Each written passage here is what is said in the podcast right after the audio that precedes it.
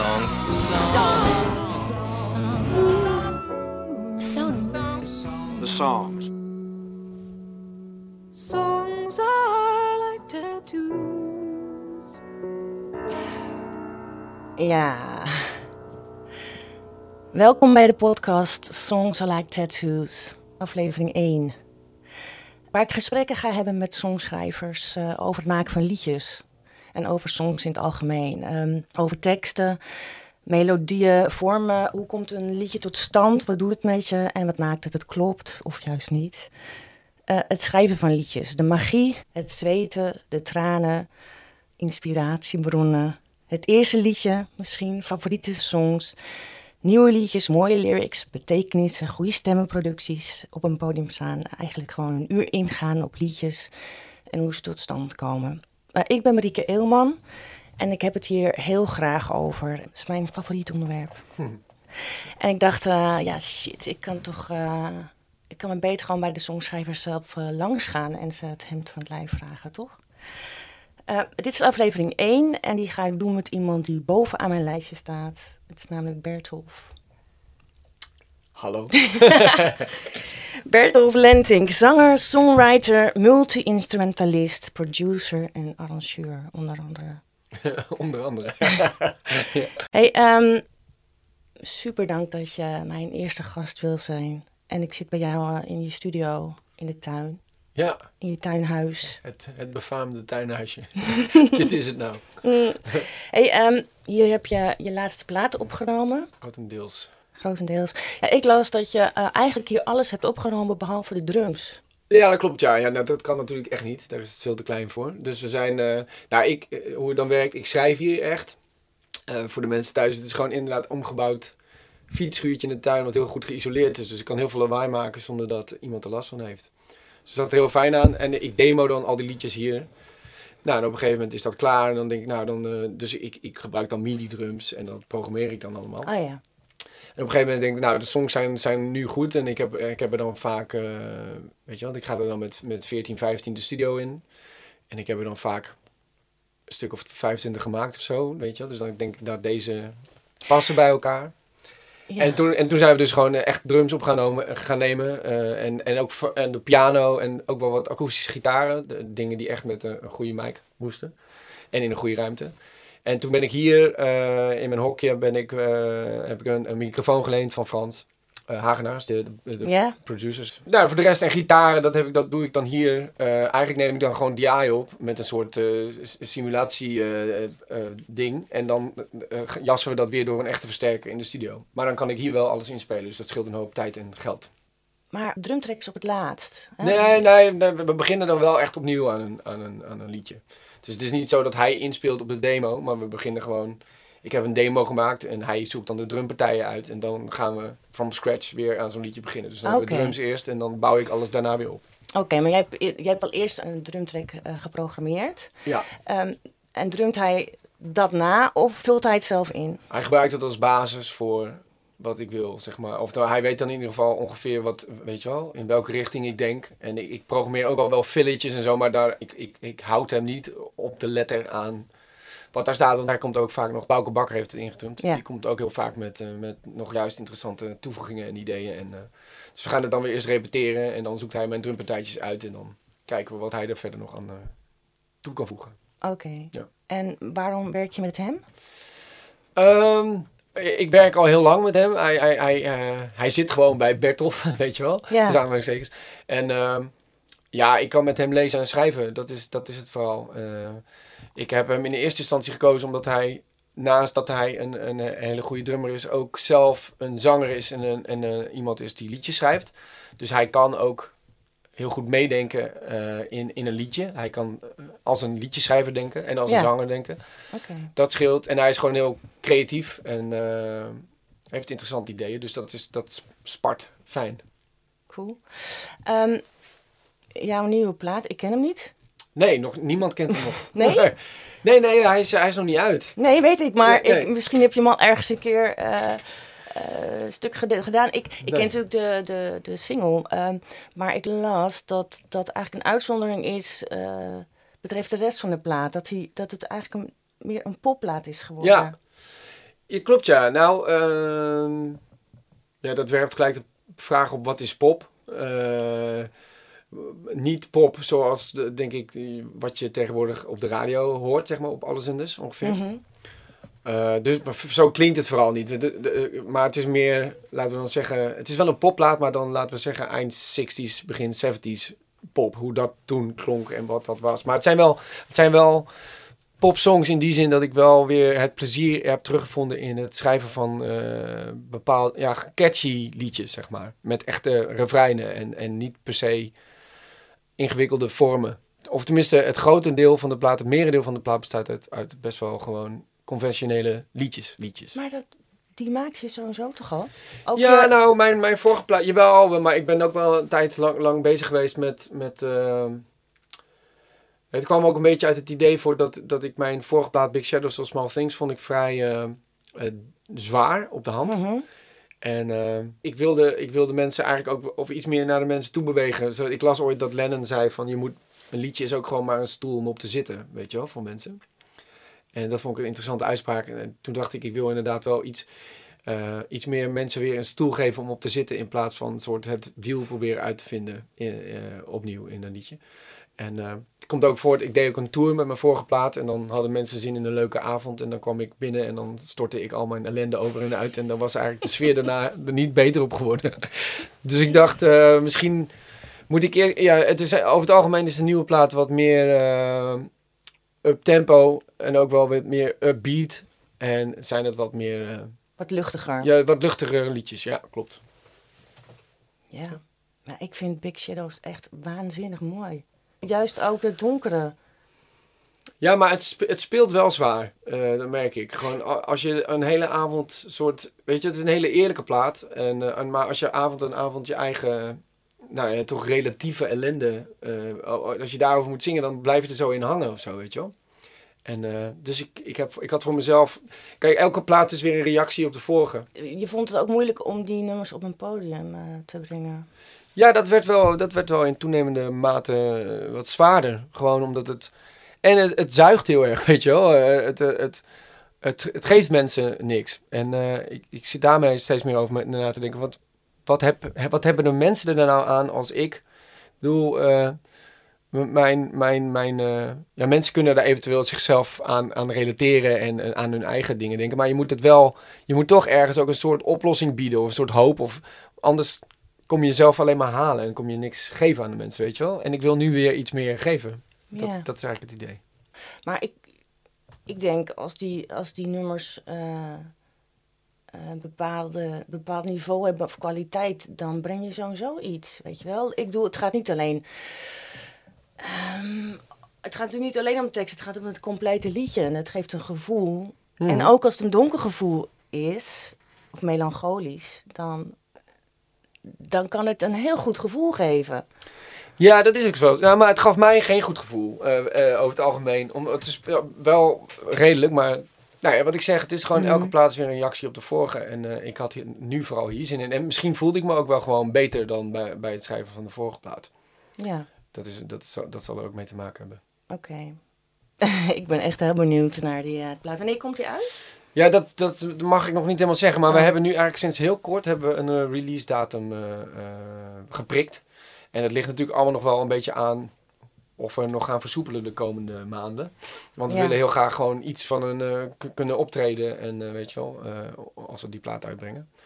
Maar nu is het in principe de bedoeling dat hij nog voor de zomer wel komt. Dus En dan daarna hopelijk toeren.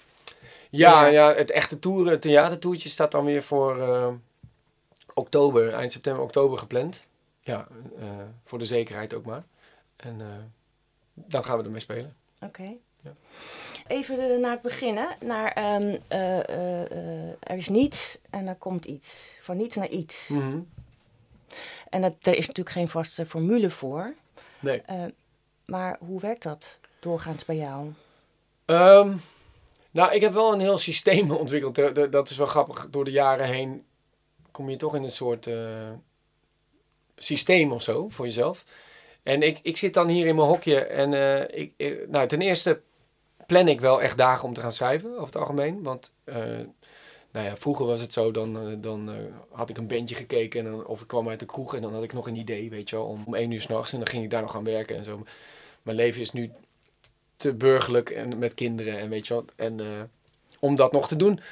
Dus ik merkte zo rond 2012 zo, dat ik wel een soort ander systeem daarin moest vinden, omdat ik best wel druk was. Dus ik wist, nou, als ik nog dit wil doen, als ik platen wil maken, dan moet ik gewoon dagen plannen daarvoor.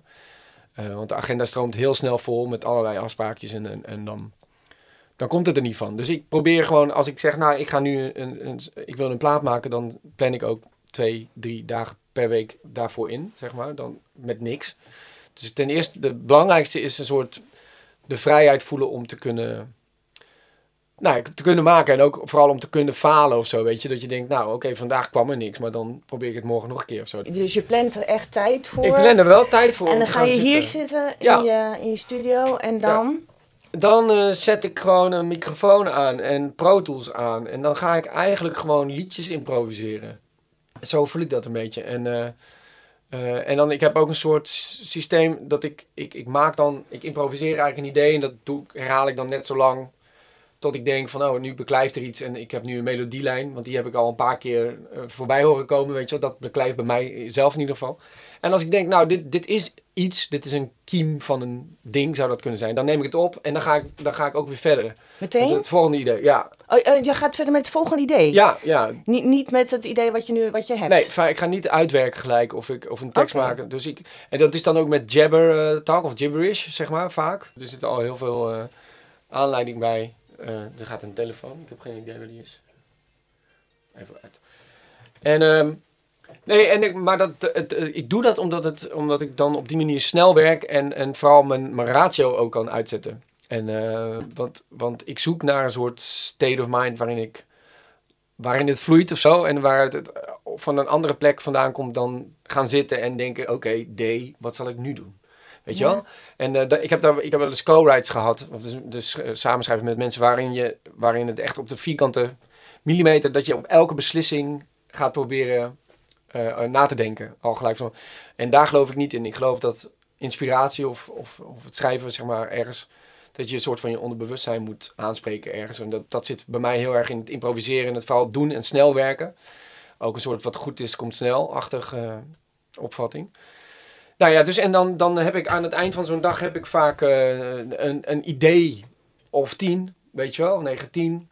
Eh, die bounce ik dan allemaal even snel. En dan ga ik eten, afwassen, eh, kinderen naar bed brengen. En dan zit ik s'avonds op de bank. Dan ben ik die liedjes glad weer vergeten. En, Ja. en dan ga ik ze gewoon dan ga ik ze luisteren. En dan kijk ik of er iets interessants tussen zit. En dan maak ik een soort selectie. En vaak is van, van, van tien ideetjes is er vaak één of twee zijn er interessant genoeg om te denken. Nou, dat zou wel eens iets kunnen worden. En eh, vaak heb ik dan toch ook al in de gibberish hoor ik, hoor ik, eh, hoor ik dingen flarden van teksten. Dat ik denk, oh, dit is interessant. Eh, of hoor ik een, misschien al wel een titel of, of, een bepaald gevoel waarvan ik denk, dit gaat hierover. En dat schrijf ik dan even snel op in een, in een soort documentje. En dan orden ik dat allemaal wel. En, dus, nou, en dan heb ik verschillende fases. Ik, ik, dat noem ik dan spuidagen. dus die, die, de, weet je wel, liedjes improviseren. En ehm, en dat is een soort fase, die duurt dan langer. Nou, op, op het eind van die fase heb ik eh, bij wijze van spreken eh, eh, acht of tien. En, en hoe lang is, wat is een fase? Nou, dat ligt eraan. Eh, op, moment, eh, op een gegeven moment heb ik misschien dat ik denk van... nou, nu zijn er, nu zijn er zoveel eh, toffe ideeën. Nou kom ik in de volgende fase, namelijk de uitwerkfase. En dan ga ik dingen pakken en dan schrijf ik er een tekst voor. En dan ga ik ze ook echt uitwerken en demoen en afmaken en een vorm van maken. Maar eh, doe je dat allemaal alleen?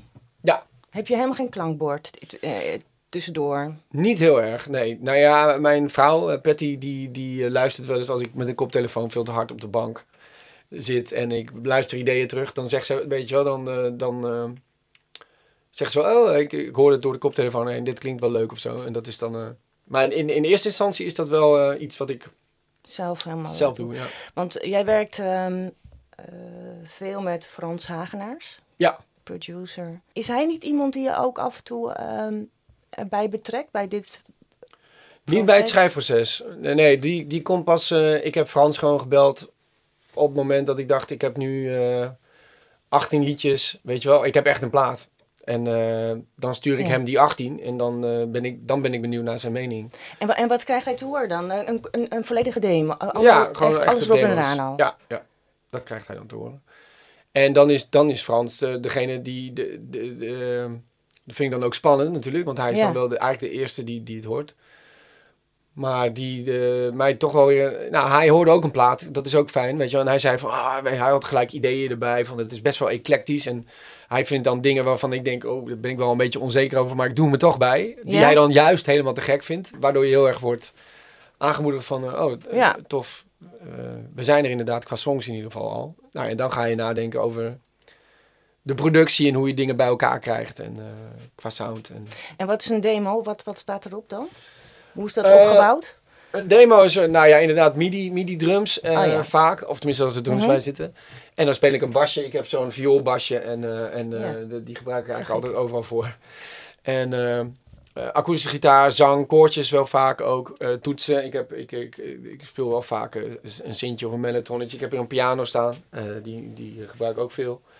Eh, en dan heb ik natuurlijk altijd nog... eh eh, allerhande ja, pedalsteel en, en mandoline en, en banjo en dat soort instrumenten. Maar het, de grap was dat ik voor deze plaat, toen ik begon eigenlijk met het, met het echte schrijven, dat ik eh, de tour van Her Majesty, waar onze tribute band, zeg maar, we speelden een programma Are You Ready for the Country. En die werd abrupt afgebroken op 7 maart. En toen waren eigenlijk al mijn, mijn country instrumenten, zoals mandoline en dobro, en bla, die zaten allemaal nog in de auto van de gitaarrodi. Dus die had ze thuis staan. En eh, nou ja, ik dacht ook, laat maar. Dus ik begon eigenlijk al die liedjes in te kleuren zonder die instrumenten. Waarin heeft geresulteerd dat ik het soms in andere dingen moest zoeken. En dat de plaat eigenlijk minder rootsy is geworden dan Ja, ja, de ja. vorige. Maar dat is eigenlijk soort, gewoon omdat ik de beschikking niet had over die instrumenten. Toevalligheden. Ja, ja, jeetje. Grappig hè? Ja, grappig. En, ehm, eh, maar meestal begin jij een nummer eh, op gitaar. Maar doe je het ook wel eens op piano? Zeker, ja. ja. Op, de, op de nieuwe plaat twee liedjes die sowieso op de piano zijn begonnen. Happy in Hindsight zelf, de, titeltrack. En de, het eerste nummer, Back to the Garden. Dat, eh, nee, dat gebeurt regelmatig. Ook op de vorige platen staat bijvoorbeeld eh, Shadows. Eh, dat is op piano geschreven. En Heavy Heart is op piano geschreven. Ik vind het, ik vind het fijn soms om... omdat ik eigenlijk minder vaardig ben op de piano... is het... Is het nou, gewoon fijn. Je maakt soms een fout die dan heel interessant is. Dat je denkt, hé, hey, dat is leuk. En op gitaar, eh, daarom doe ik ook veel met, met andere stemmingen. En, en eh, om het schrijven is ook vaak, het niet weten is heel interessant bij het schrijven. Eh, want als je speelt D, G, dan denk je, jeetje, ik heb dat al zo vaak gehoord en gedaan. En daarom, ik zit altijd, ik weet je wel, als ik aan het improviseren ben, die liedjes, dan zoek ik in eerste instantie eigenlijk altijd naar een soort klank of toonsoort of die nog, waar ik nog nooit ben geweest. Dus ik ben nu ook bijvoorbeeld, ik gebruik ook capo's. En bijvoorbeeld de, de, de nieuwe single Don't Look Up, dat is capo 8 of zo. Eh, echt heel hoog op de nek. Maar dat, dat doe ik ook om, om een soort klank te vinden in eerste instantie waar, weet je wel, Ja. dat, ik heb de capo nog niet zo vaak zo hoog op de nek gezet. Dus dan heb ik toch een soort frisse, frisse Klank. klank. Dan begin ik, want, want dan, dan is er iets nieuws of zo. Ja. En, eh, daar zoek ik naar stemmingen, capo-standen, eh, instrumenten. En ehm, teksten. Komen, Ja. die, komen, die, komen er flarden tegelijk mee? Of, Vaak wel. Ja. Ehm, ja, het is een beetje... eh, ik moet wel eerlijk zeggen dat met deze plaat wel een soort ehm, eh, markeringspunt is. Dat ik iets anders ben gaan werken. Want ik, over het algemeen schreef ik inderdaad eerst gewoon helemaal de muziek. En, en baseerde ik eigenlijk een tekst. En dan was de jabber of de gibberish was een soort malletje voor de tekst. Als in, eh, daar zat van vaak al de klanken in. Ehm, dat geeft mij heel veel informatie, want ik weet dan precies welke klank goed werkt op welke lettergreep. En het, is daarom gelijk al muzikale taal of zo. Dus, eh, en ik hou me dan wel heel erg met het schrijven van de echte tekst aan dat format. Dus dat heb ik wel heel lang zo gedaan. Eh, bijvoorbeeld een liedje als First and Then van, van mijn plaat First and Then. Wat ik nog steeds een van mijn bbeste liedjes vind. eh, die, die kwam ook echt gewoon tot stand. Daar zat de hele structuur eigenlijk al in. Ik hoorde mezelf in de jabber zingen. First you... Then you... En dan next you... do. Toen dacht ik, wow, dat krijg je dan al gewoon, weet je wel. Dat, dat zing je toevallig en, en eh, heb je niet eens door. Ik heb achteraf wel gedacht, ik had die uitspraak van Gandhi gelezen. eh, weet je wel, first they laugh at you, then they ignore you, then you win of zoiets. Ja, ja, ja. Dus misschien zat dat ergens in mijn hoofd en kwam dat er op die manier uit. Maar goed, dan hoor je die jabber terug zo s'avonds en dan denk je, ja, eigenlijk is het hele liedje er al. Het is nu een invuloefening eigenlijk. Maar de structuur wordt je dan al gegeven, zeg maar. Maar dat gezegd hebben, de, het is niet, je hebt al, niet altijd zo'n mazzel. En ik heb ook wel de laatste jaren heel vaak ge- een soort worsteling gehad met... ehm, eh, ja, ik heb wel tekst voor maar ik heb geen idee waar, waar ik... En dan is het heel hard werken om er iets van te maken. En ik heb nu eigenlijk steeds meer ook wel... Terwijl ik improviseerde liedjes, had ik al mijn, mijn, mijn, eh, mijn tekstdocumentje met zinnetjes er al bij. Dus dan Ja. werd het, ste- het wordt steeds meer bij mij een soort improvis niet een soort vrije improvisatie, maar een soort improvisatie binnen kaders. Ik denk, ik heb dit zinnetje, het zou het refrein kunnen zijn, dus dan werk ik daar al een beetje meer naartoe. Ik neem de tekst nu steeds meer mee in het improvisatie. en, en hoe kom je aan die zinnetjes? Eh, overal vandaan. Eh, soms denk ik ze zelf. Bijvoorbeeld met Happy in Hindsight, dat was iets wat ik zelf eh, dacht, weet je wel. Ik, ik zag mezelf in 2017 eh, met mijn kinderen op het bevrijdingsfestival op een foto. En toen dacht ik, jeetje, wat, wat was ik daar gelukkig, gelukkig. Maar toen kon ik me tegelijkertijd herinneren dat ik op dat moment zelf eigenlijk heel bezorgd was over wat ik die week daarna moest doen. En ik was het druk en ik maakte me zorgen over. Toen dacht ik, ik ben eigenlijk altijd alleen maar gelukkig achteraf, weet je wel, als alle context duidelijk is en alle eventuele zorgen die je op dat moment had eh, niet zijn uitgekomen. Wat is in het Engels? Happy in hindsight. Ja, Dat is helemaal, weet je wat, alli- allitereert ook nog. Dus dat schrijf ik dan op, Happy in hindsight. En eh, eh, dan heb ik, dat is, weet je wel, zo'n titel impliceert eigenlijk al een lied vaak. En eh, het heeft al een, een hele wereld achter zich. Dus dan, dan hoef je het eigenlijk alleen nog maar uit te werken of zo. maar eh, had je ook al met deze titel dat dat de titel van het album zou worden? Nee, nee, eigenlijk niet. Want ik, ik, eh, ik heb een ander liedje wat er ook op de pla- nieuwe plaats staat. Het heet Waiting in the Wings. Ehm, en ik dacht dat is natuurlijk voor een coronaplaat heel toepasselijk. Dat is in de coulissen wachten. Eh, maar ik vond ook weer niet dat het te veel een eh coronaplaat hoefde te worden, weet je wel. Of, want iedereen maakt natuurlijk een coronaplaat. Dus op een gegeven moment ben ik daarvan af. Het was wel heel lang de werktitel. Maar toen dacht ik eigenlijk Happy in Hindsight is ook wel, eh, ook wel een mooie. Wil je er niet een stukje voor spelen? of- Oh, dat, ja, wil ik wel. Dat is een liedje op de piano geschreven. Oké. Dus dan moet ik... eh, ik weet niet of dat mooi klinkt hoor, maar ik wil het wel een stukje doen. Dat gaat als volgt. I'm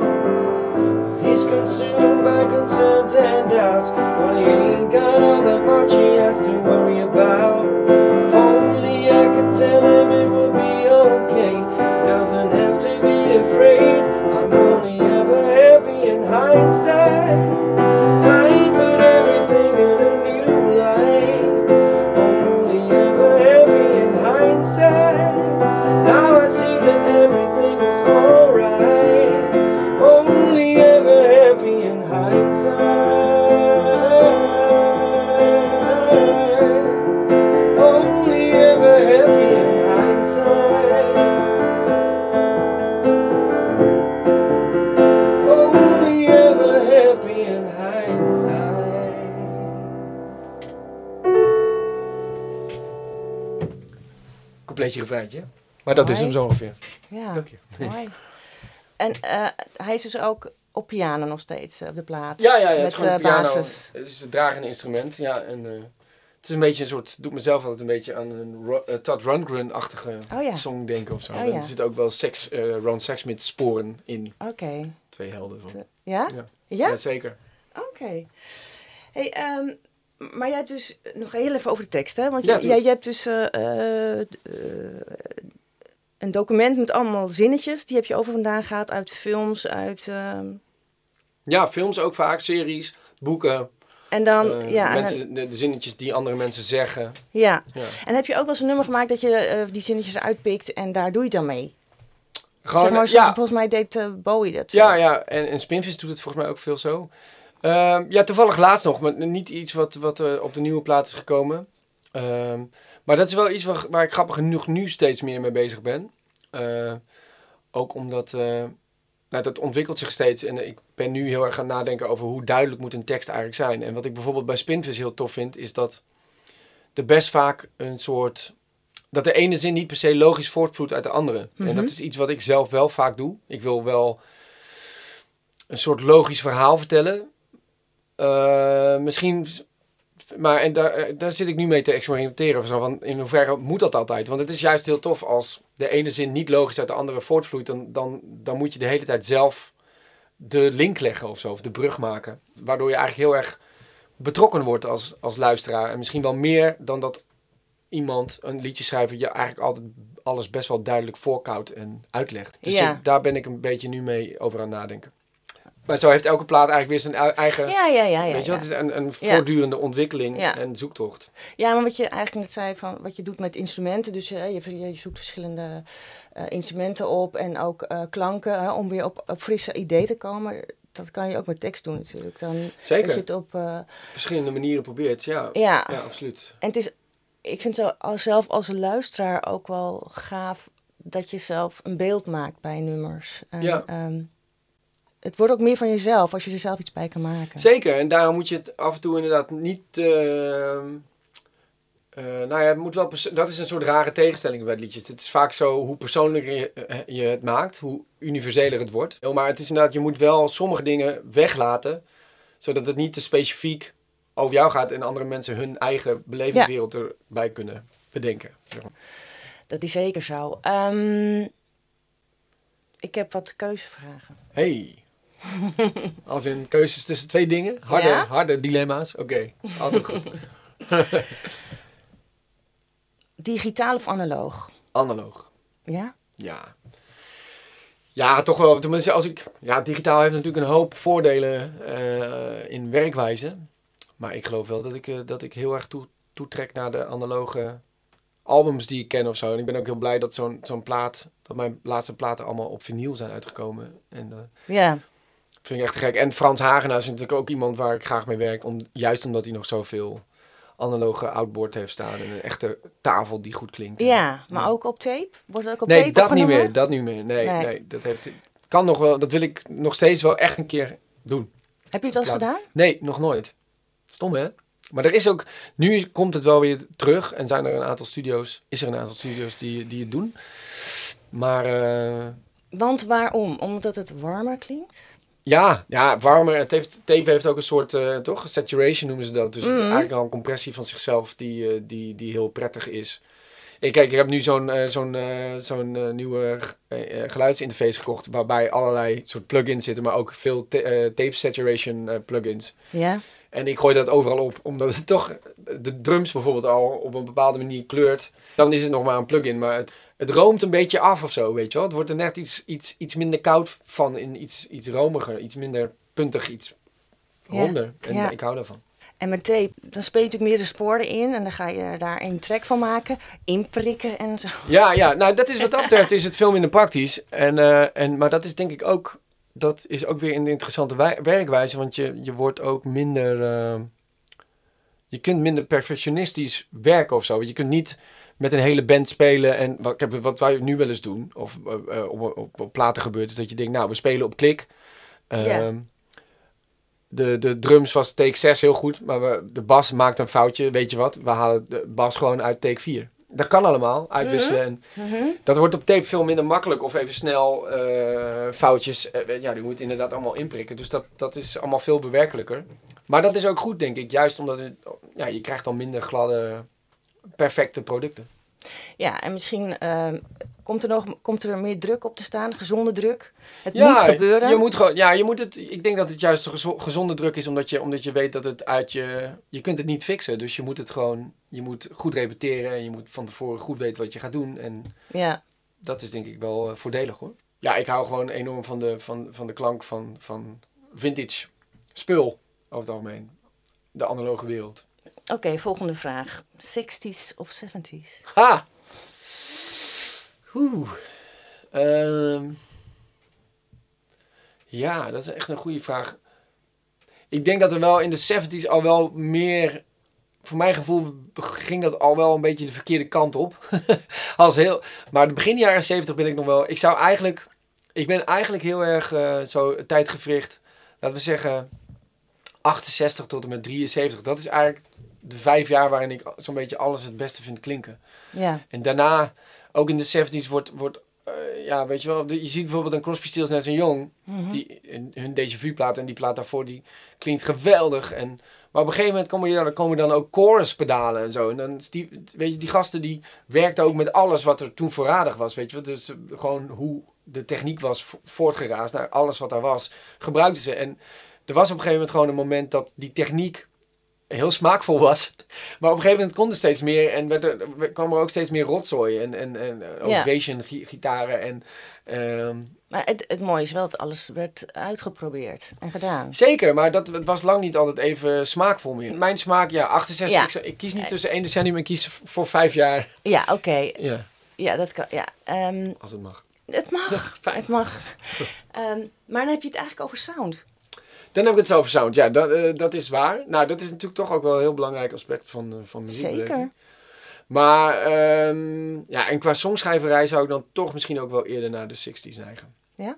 Ja, dat... eh, nou ja, of het, het is natuurlijk een hele gemene vraag. Maar het, ik geloof wel dat dat het moment was dat, is, dat er een bepaalde kunstzinnigheid en wat er populair was, hand in hand gingen. Eh, eh, dat is heel interessant, vind ik. Dat is volgens mij in de, in de rest van de geschiedenis.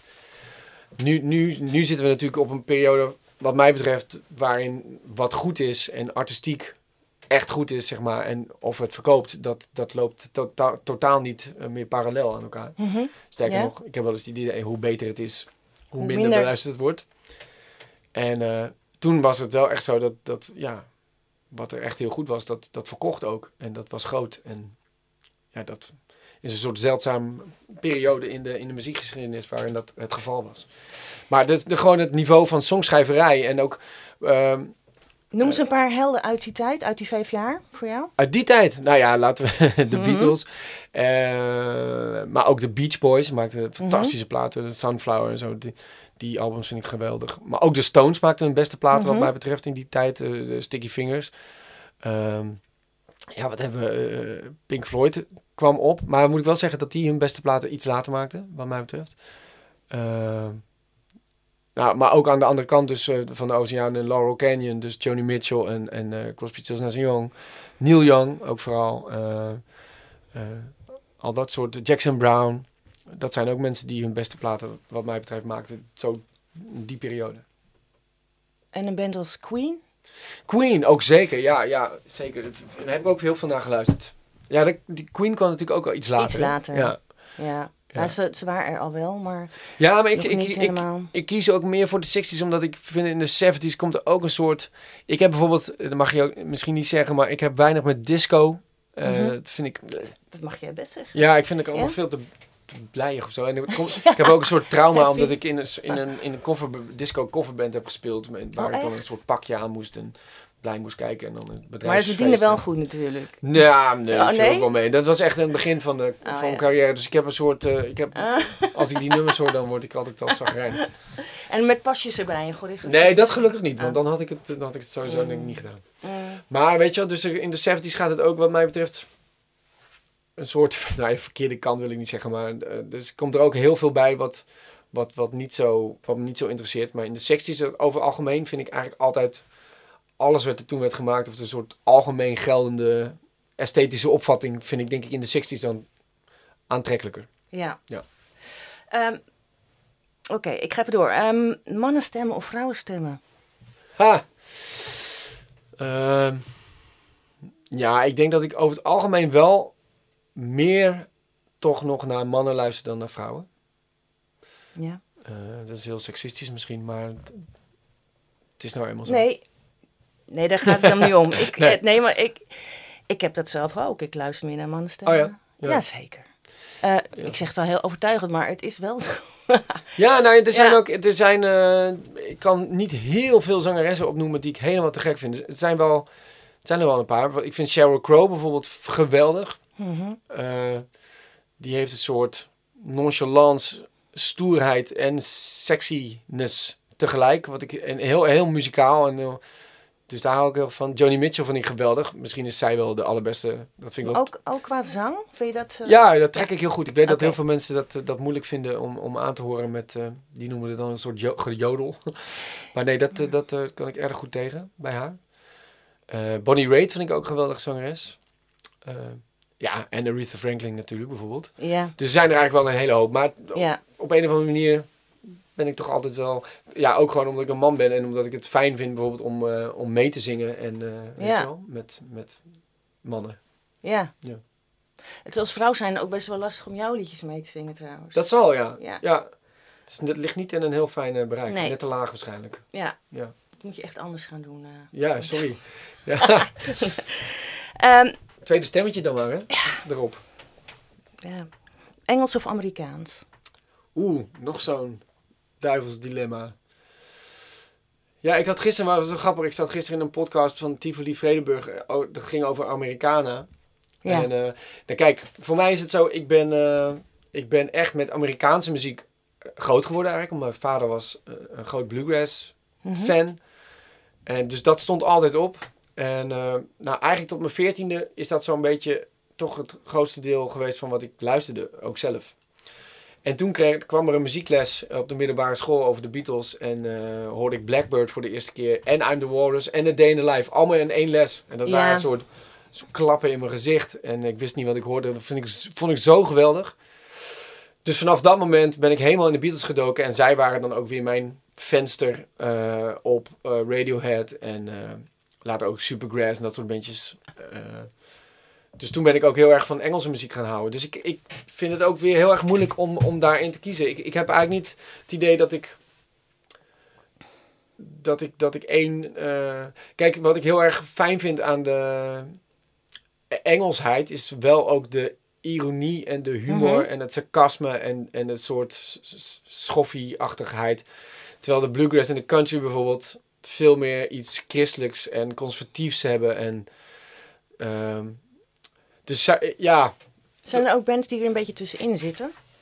ja, ikzelf. Ja, ik denk, Denk ik. wel, ja. Ja. Ja, Nou ja, ik vind het ook stom, want, of stom, maar ik, ik, ik eh, denk ook wel heel vaak dat hele country, weet je wel, als je mensen een soort cowboytjes ziet spelen, dat vind ik dan ook altijd heel, heel gemaakt. of Zo, dat ik denk, wees nou gewoon Europees, wees continentaal of zo. We proberen ook niet Engels te zijn. We proberen Ja. natuurlijk in Nederland altijd van alles na te doen. Maar ja, god, wij leven nou eenmaal in een, een anglo-saxische Ja. gedomineerde cultuur. En wij, we- ja, we zijn toch vooral, tenminste ik wel heel erg opgevoed met, met, met die cultuur. Daarom is muziek voor mij ook eigenlijk gewoon Engelstalig in mijn, weet je wel, in mijn hoofd. ja. En eh, En, maar- en, en maar even, eh, zo een band als Big Star bijvoorbeeld. Ja. Dat vind ik, die vind ik ook een beetje tussenin ja, die zitten er wel een beetje tussenin. Ik moet ook aan Bowie denken bijvoorbeeld als ik eh, Big Star hoor. Ja, dat klopt wel. En wat, ik zat ook nog aan een ander voorbeeld te denken. Nou ja, bijvoorbeeld de Birds heeft, heeft het ook wel een Mm, mooi... ja. Want de, de Birds waren natuurlijk eigenlijk een soort het antwoord op de Beatles. Dus die hebben wel iets Brits in de, in de songschrijverij.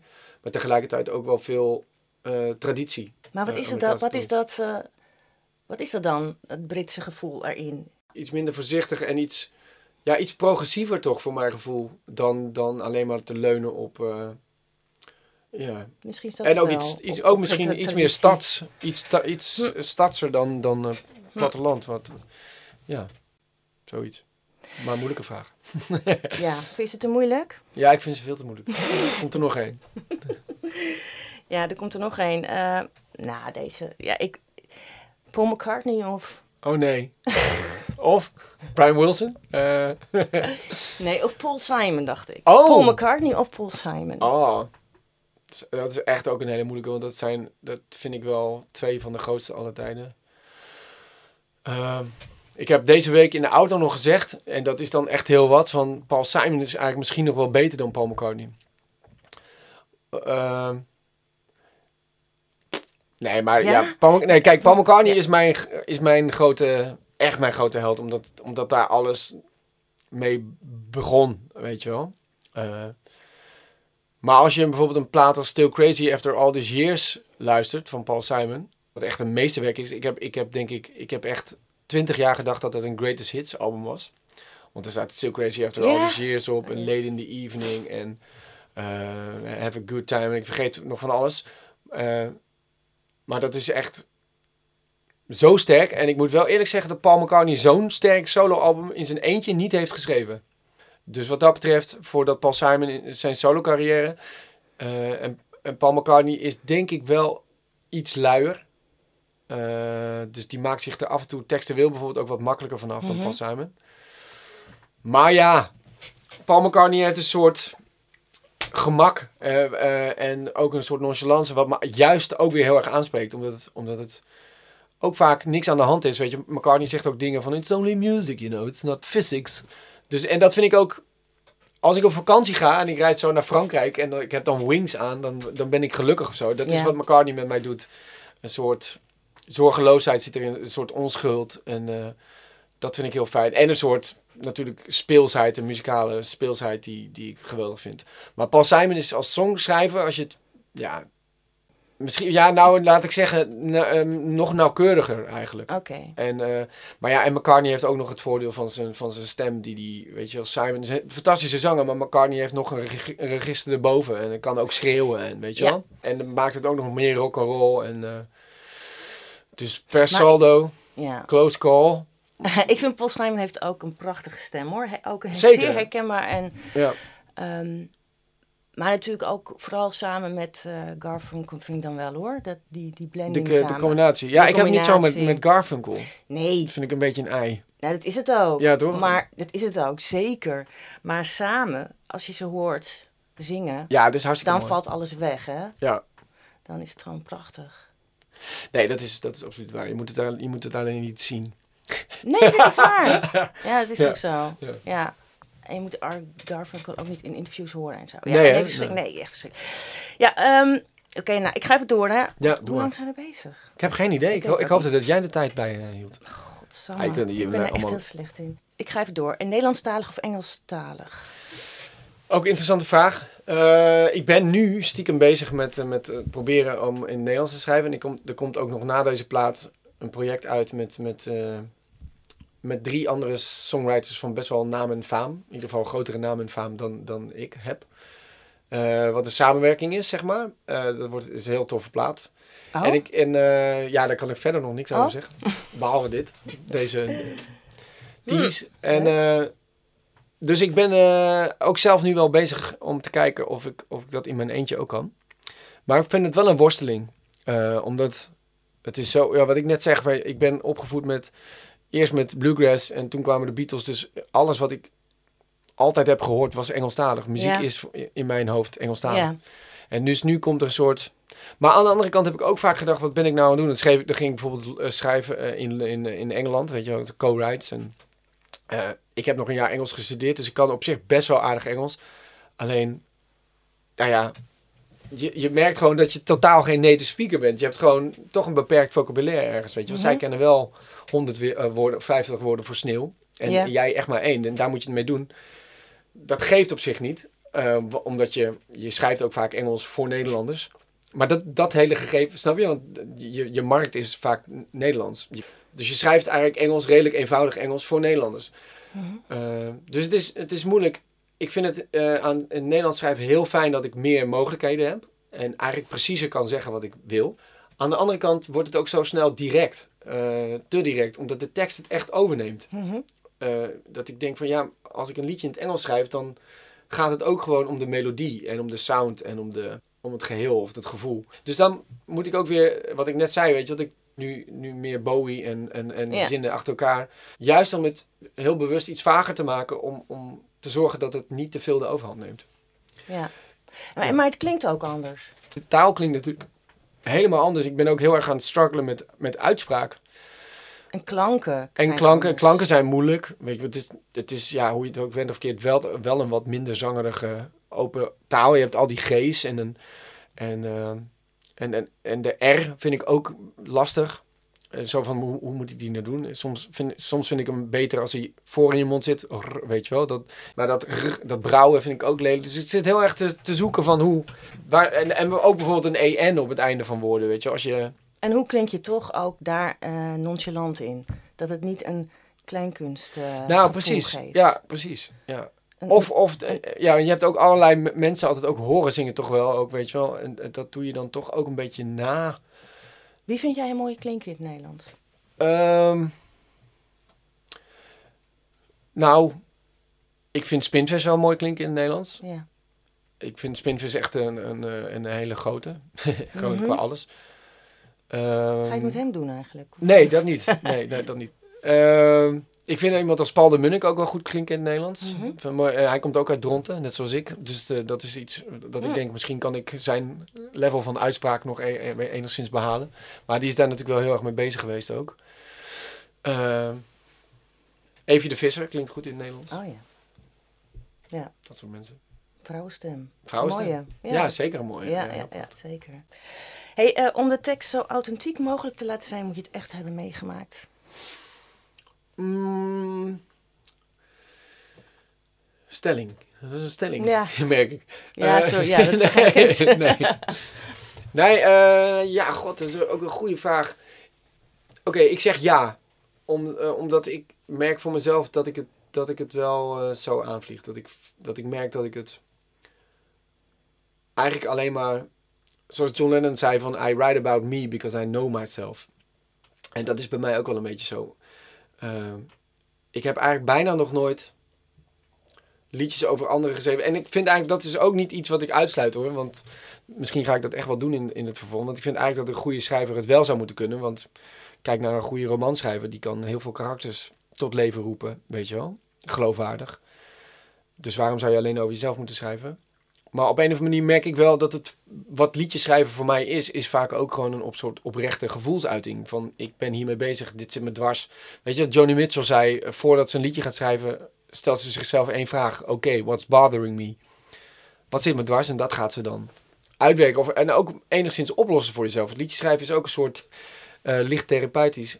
eh, om, om, te kijken gewoon of je, er, of je er iets mee kunt en of je er, of je er wat licht bij kunt gooien of zo. En eh, dat, Ja. is, dat is wat liedschrijven voor mij is. En daarom gaat het vaak over mezelf. Of tenminste, ben ik zelf de eerste referentie die ik heb. Eh, ja, ik heb het wel eens gedaan. Dus dat is Heavy Heart op, op Big Shadows Ja. of Small Things. Dat is eigenlijk niet een liedje wat over mij gaat. Gaat het echt over iemand? Dat gaat echt over iemand, ja. Gaat het goed met die persoon? Ja, nou, wel wat beter dan toen, denk ik. Maar dat is niet iets wat, wat eh, dan gelijk is opgelost of zo. Dat is een heel complex iets. Mhm.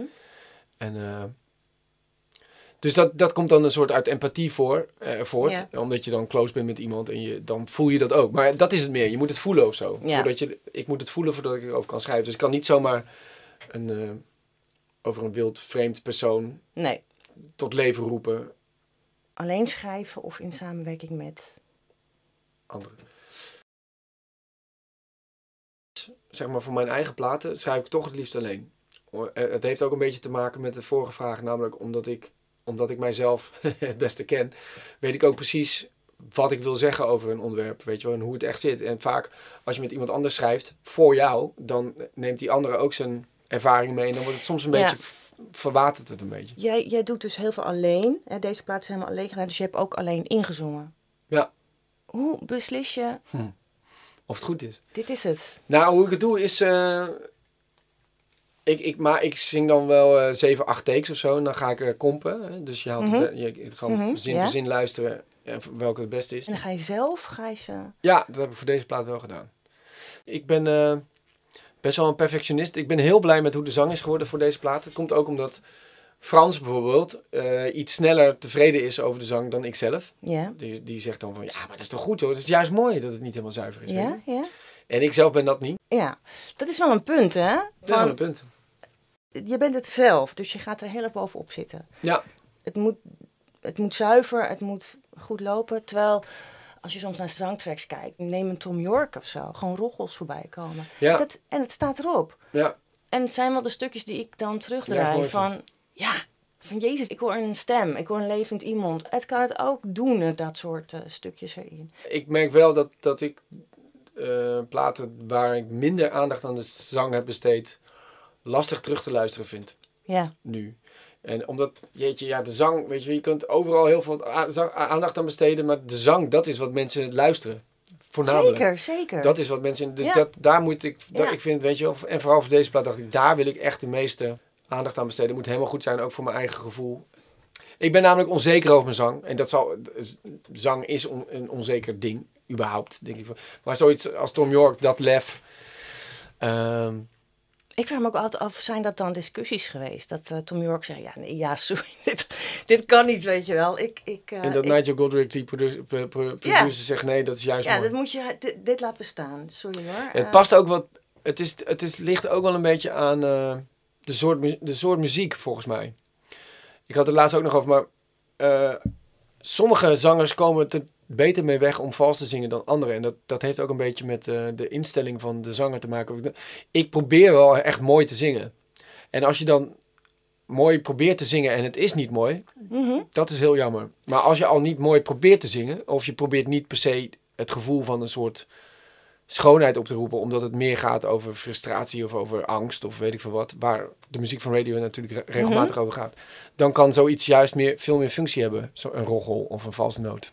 Dus daar, daar ligt het ook wel aan, aan wat voor soort nummer het is. Tuurlijk, ja. Ehm, en jij dubbelt jezelf soms ook. Klopt.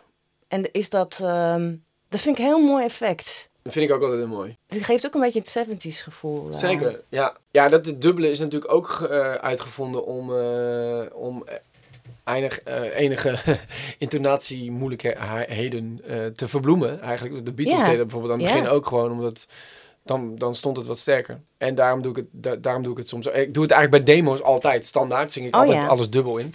Eh, maar dan op een gegeven moment wordt het dan, of voor de plaat eh, doe ik het toch wel, omdat, omdat je dan gewoon echt goed zingt, denk je eigenlijk is één stem ook wel gewoon genoeg. Ehm, maar ik vind het ook een mooi effect. En vooral ook in koortjes. eh, is, is steeds meer probeer ik altijd. De koortjes doe je ook helemaal zelf? Nee, dat, ik, ik heb tenminste samen met Bouke heb ik de koortjes gedaan. Oké. Dus hij is, ik kan niet zo hoog. En eh Bouke kan echt heel hoog. Ja? Dus die doet alle, alle hoge stemmen. Ja. Ja, er zit een, een, een, een, stuk op de nieuwe plaat. Dat is een soort eh, heel lang stuk van, ze- van zeven minuten. En eh, daar zitten ook best wel... Het is een beetje een knipoog naar Abbey Road. De, en, en daar zitten hele, heel veel koortjes in. En, die, en op de Abbey Road zijn ook al die koortjes gedubbeld. Zoals bijvoorbeeld op eh Because, dat nummer van de Beatles. Daar zijn zelfs drie, drie dubbel. Maar je krijgt zo'n heel breed tapijt van... Mhm. Ah, en dat, ja, daar hou ik wel ook heel erg van. Ja. Ja. Ehm, opnemen of optreden? Opnemen. Without a doubt. Nou ja, ik heb ook wel zo vaak gezegd, in mijn optreden heb ik een soort haat-liefde verhouding mee.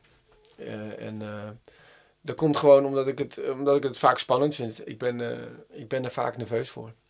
En moet ook wel weer zeggen dat de, de opluchting na de hand vaak ook groot is. En, want ik heb laatst bijvoorbeeld nog weer eh, een ding gedaan en, dan, en dat, dat kan ik dan tegenop kijken, tegenop zien.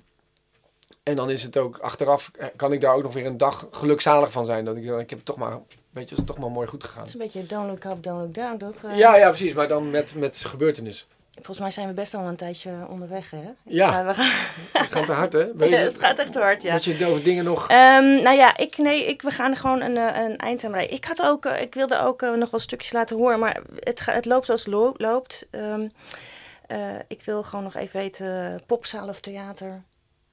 Want eigenlijk, ik vind het, het optreden...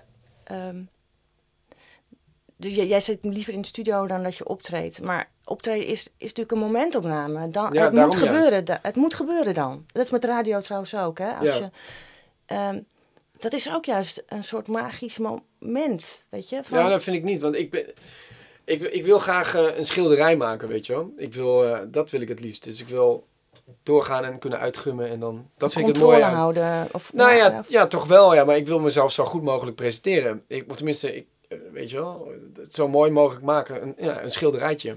Of een, of een serie of een film. Dat wil ik maken. Maar ik wil niet per se... Het is een beetje zo, dan maak je een plaat. Daar ben je heel lang mee bezig om alles goed te krijgen. En dan vraagt iemand, speel het even, speel het even live. En dan alsof je het schilderij waar je zo lang mee bezig bent geweest... ineens weer moet reproduceren voor mensen die erbij staan. Dat je denkt, weet je wel, dat gevoel heb ik altijd een beetje mee. Eh, dus ik, ik, ik, ik vind het interessanter om te schilderen dan te Ja. Reproduceren waar je zo lang mee bezig bent geweest. Bevredigender ook. Je hebt wel optredens dat je denkt van... eh, dat je het podium afloopt... En dat je denkt, shit, dit is wel helemaal te gek. Hier Ja. doe ik het voor. Eigenlijk regelmatig, moet Ja. ik zeggen. Maar het is altijd, het zijn... eh, het gekke is, de- daar hoor ik meer mensen zeggen, maar het is niet per se dat er met de jaren de zenuwen afnemen voor het optreden. Eh dat Mhm. gebeurt bij meerdere artiesten dat het, dat, het, dat het steeds meer wordt eigenlijk. Ja, Gek genoeg. En, en, en vroeger komt het uit een soort bluff eh, of een soort jeugdige, weet je wel, onwetendheid. Ga je gewoon een podium oprijden staan en doe je een beetje stoer.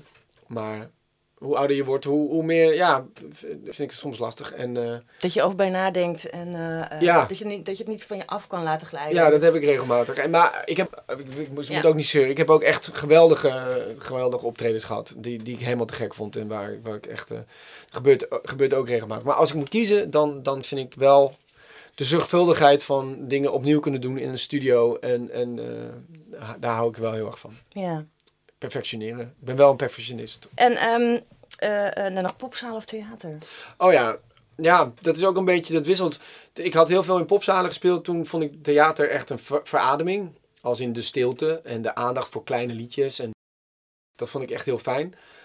Toen ik heel veel in het theater had gespeeld, kreeg ik juist ook weer heel erg de, de, de zin in popzalen. En de, het gewoon de losheid en de sponta- spontaniteit ervan. En ehm, het, ik, vond, ik vind dan theater ook af en toe al een beetje formeel. Waardoor dat heeft ook een soort spanning. Weet je, mensen verwachtingsvol en het stille. En dan- dat ik denk, nou, praat maar even met elkaar hoor. Ik pak even gitaar, weet je. Dat, daar, heb, daar heb je dan ook wel weer zin in. Ja, op een. Dus nu, als ik nu zou moeten kiezen, zou ik eigenlijk liever Zaal, met de volgende plaat een, een clubtour doen dan Ja. als we ooit weer kunnen spelen, zou ik liever een clubtour. Nou, het komt wel even. Oké, en dan nog ehm, South by Southwest of het Songfestival? dat eerste, without a doubt. Het Songfestival heb ik eh, echt helemaal niks mee. Nee. Nou, dat kan ook een springplank zijn naar... eh, Zeker, maar ik heb die ah. ambitie helemaal niet. Dus ik, ik, heb helemaal geen, ik wil helemaal niet eens een springplank. Naar wat? Naar een internationale carrière? Kan mij het schelen. Ik ben al veel te oud voor Naar, eh, carrière. naar, nou, ja, zo'n festival kan natuurlijk ook heel veel opleveren. Ja, het kan, kan heel veel opleveren. Ja. Bekendheid en dus... Maar wat heeft, het, ja, wat heeft het gedaan voor Douwe Bob, Ja, nou, weet ik niet. bijvoorbeeld? Wat heeft het gedaan voor Waylon? Voor Ilse de Lange heeft het dat gedaan. Ja. En voor Duncan Lawrence, Lawrence eh, do- doet het nu misschien ook wel wat. Maar ja, god. Het is allemaal zo showbiz. En eh, ik ben eigenlijk helemaal niet... Een, eh, ik ben wel een liedjeschrijver. En ik wil ook best wel live optreden en zo. Maar ik heb helemaal niks met, met die gewichtig doen en rijden omheen. Of zo, weet je wel. Het hele show-element. En dat spel moet je willen meespelen, Ja. denk ik. En dat wil ik, daar ben ik niet toe bereid. Heb je wel eens op Noorderslag gestaan eigenlijk? Dat wel, ja. 2009. Ja, oké. Hoe was dat? Nou, dat was eigenlijk... eh, ging niet zo heel goed. Oh, Eh, was het met de band? was wel met band, maar eigenlijk waren we er toen nog niet helemaal klaar voor, Oh, denk ja. ik, achteraf. Ja. En eh, ja, ik had net een single uit en het ging, hard, dat ging heel erg hard en allemaal heel goed, maar de- we, waren, we hadden nog geen kilometers in de benen. En ik, was, ik kwam ook uit de, de band van Ilse de Lange, dus ik had altijd eigenlijk Oh, toch in de schaduw gestaan, dus de, de nieuwe rol van frontman zijn. En Die moest nog even... die moest echt nog wel eventjes groeien, ja. Ja. Ja. Oké, hey eh, Bert Wolf. Ja, Ik, heb nog heel, ik, ik ben nog niet klaar, maar ik, we gaan stoppen. Want maar ja, doe eh, één vraag dan. Laatste vraag. Anders vind ik het ook zo wat. Misschien heb je een mooie, of, of, heb je, of stel ik je nu voor het blok, dat je geen mooie... Nou ja, kijk, ehm, de podcast heet eh, Songs Like Tattoos naar, een, naar Blue hè, van Ja. Johnny Mitchell. Ehm, dus eigenlijk liedjes die zoveel een, impact op je hebben gemaakt. Als een tatoeage op je ziel met je meegaan en misschien het waarschijnlijk gewoon ook met je graf in. Welk nummer, wel, als je daar een, als je een nummer zou moeten uitzoeken, of twee, welke zijn dat? Ehm, Ja, Blackbird, denk ik. Mhm. Eh, dat is toch wel... Dat vind ik eigenlijk gewoon het mooiste liedje alle tijden. Daar komt nooit iemand meer overheen. Eh, dat heb ik ook op, op eh, begrafenis van mijn opa gezongen of zo bijvoorbeeld. Het heeft voor mijn gevoel ook een begrafenis Ja. element als je de vogel ziet als een soort ziel die, weet je wel, eindelijk bevrijd is of zo. Dus dat vind ik ook altijd, in die zin, vind ik Blackbird eh, wel heel mooi. Ja, er zijn heel veel liedjes, hè, die, die eh, het is wel heel veel van de Beatles. Eh, ik vind ook bijvoorbeeld een van de allermooiste nummer aller tijden, vind ik I Don't Know What It Is van Rufus Wainwright. Dat is ook zo'n kunstwerkje van een, van een nummer. Die zou ik ook zeker bij de allermooiste nummers aller tijden. Ik zou misschien ook wel een Billy Joel. Oh, daar moest ik ook nog aan denken bij jou trouwens. ja. ja. Dat is ook wel is echt zo'n ambachtelijke liedjesmid die ook die vrouw ook harmonisch, hè, dus qua akkoorden zoveel kan. En ik, ik sla er altijd heel erg op aan als, als, als mensen harmo- harmonisch mooie dingen doen. Ja, Paul Simon. Ik vind bijvoorbeeld I Do It For Your Love van Paul Simon, die op die Still Ja. Crazy plaat staat. Vind ik een geweldig liedje. Omdat het zo slim en, en goed geschreven is. En hij, zingt dan op het laatste, het gaat over een liefdesaffaire of over gewoon een relatie. En de laatste zin is, love emerges and it disappears. I do it for your love. Zo van, weet je, ondanks dat het dat liefde verglijdt of, of hoe noem je dat, misschien eindig is. Ik, ik doe het voor jouw liefde. En dat vind ik zo mooi. Dat komt zo hard bij mij binnen, zo'n soort zin. En eh, nou ja, laat ik daarvoor kiezen. Voor die drie dan eventjes nu. Morgen zijn het weer andere drie. Oké. hey, ehm, dan gaan we het afsluiten. Yes, Dankjewel. heel graag gedaan. Ik vond het leuk. En succes met, je, met het komende jaar. Yes, Veel spelen maar weer. ik hoop het. Oké. Heb je ook een, een outro lieder? outro-lieder. Oh, nee. Gewoon dezelfde. Ja, ik ga er nog een keer ingooien. Ja, ik- ja. The song.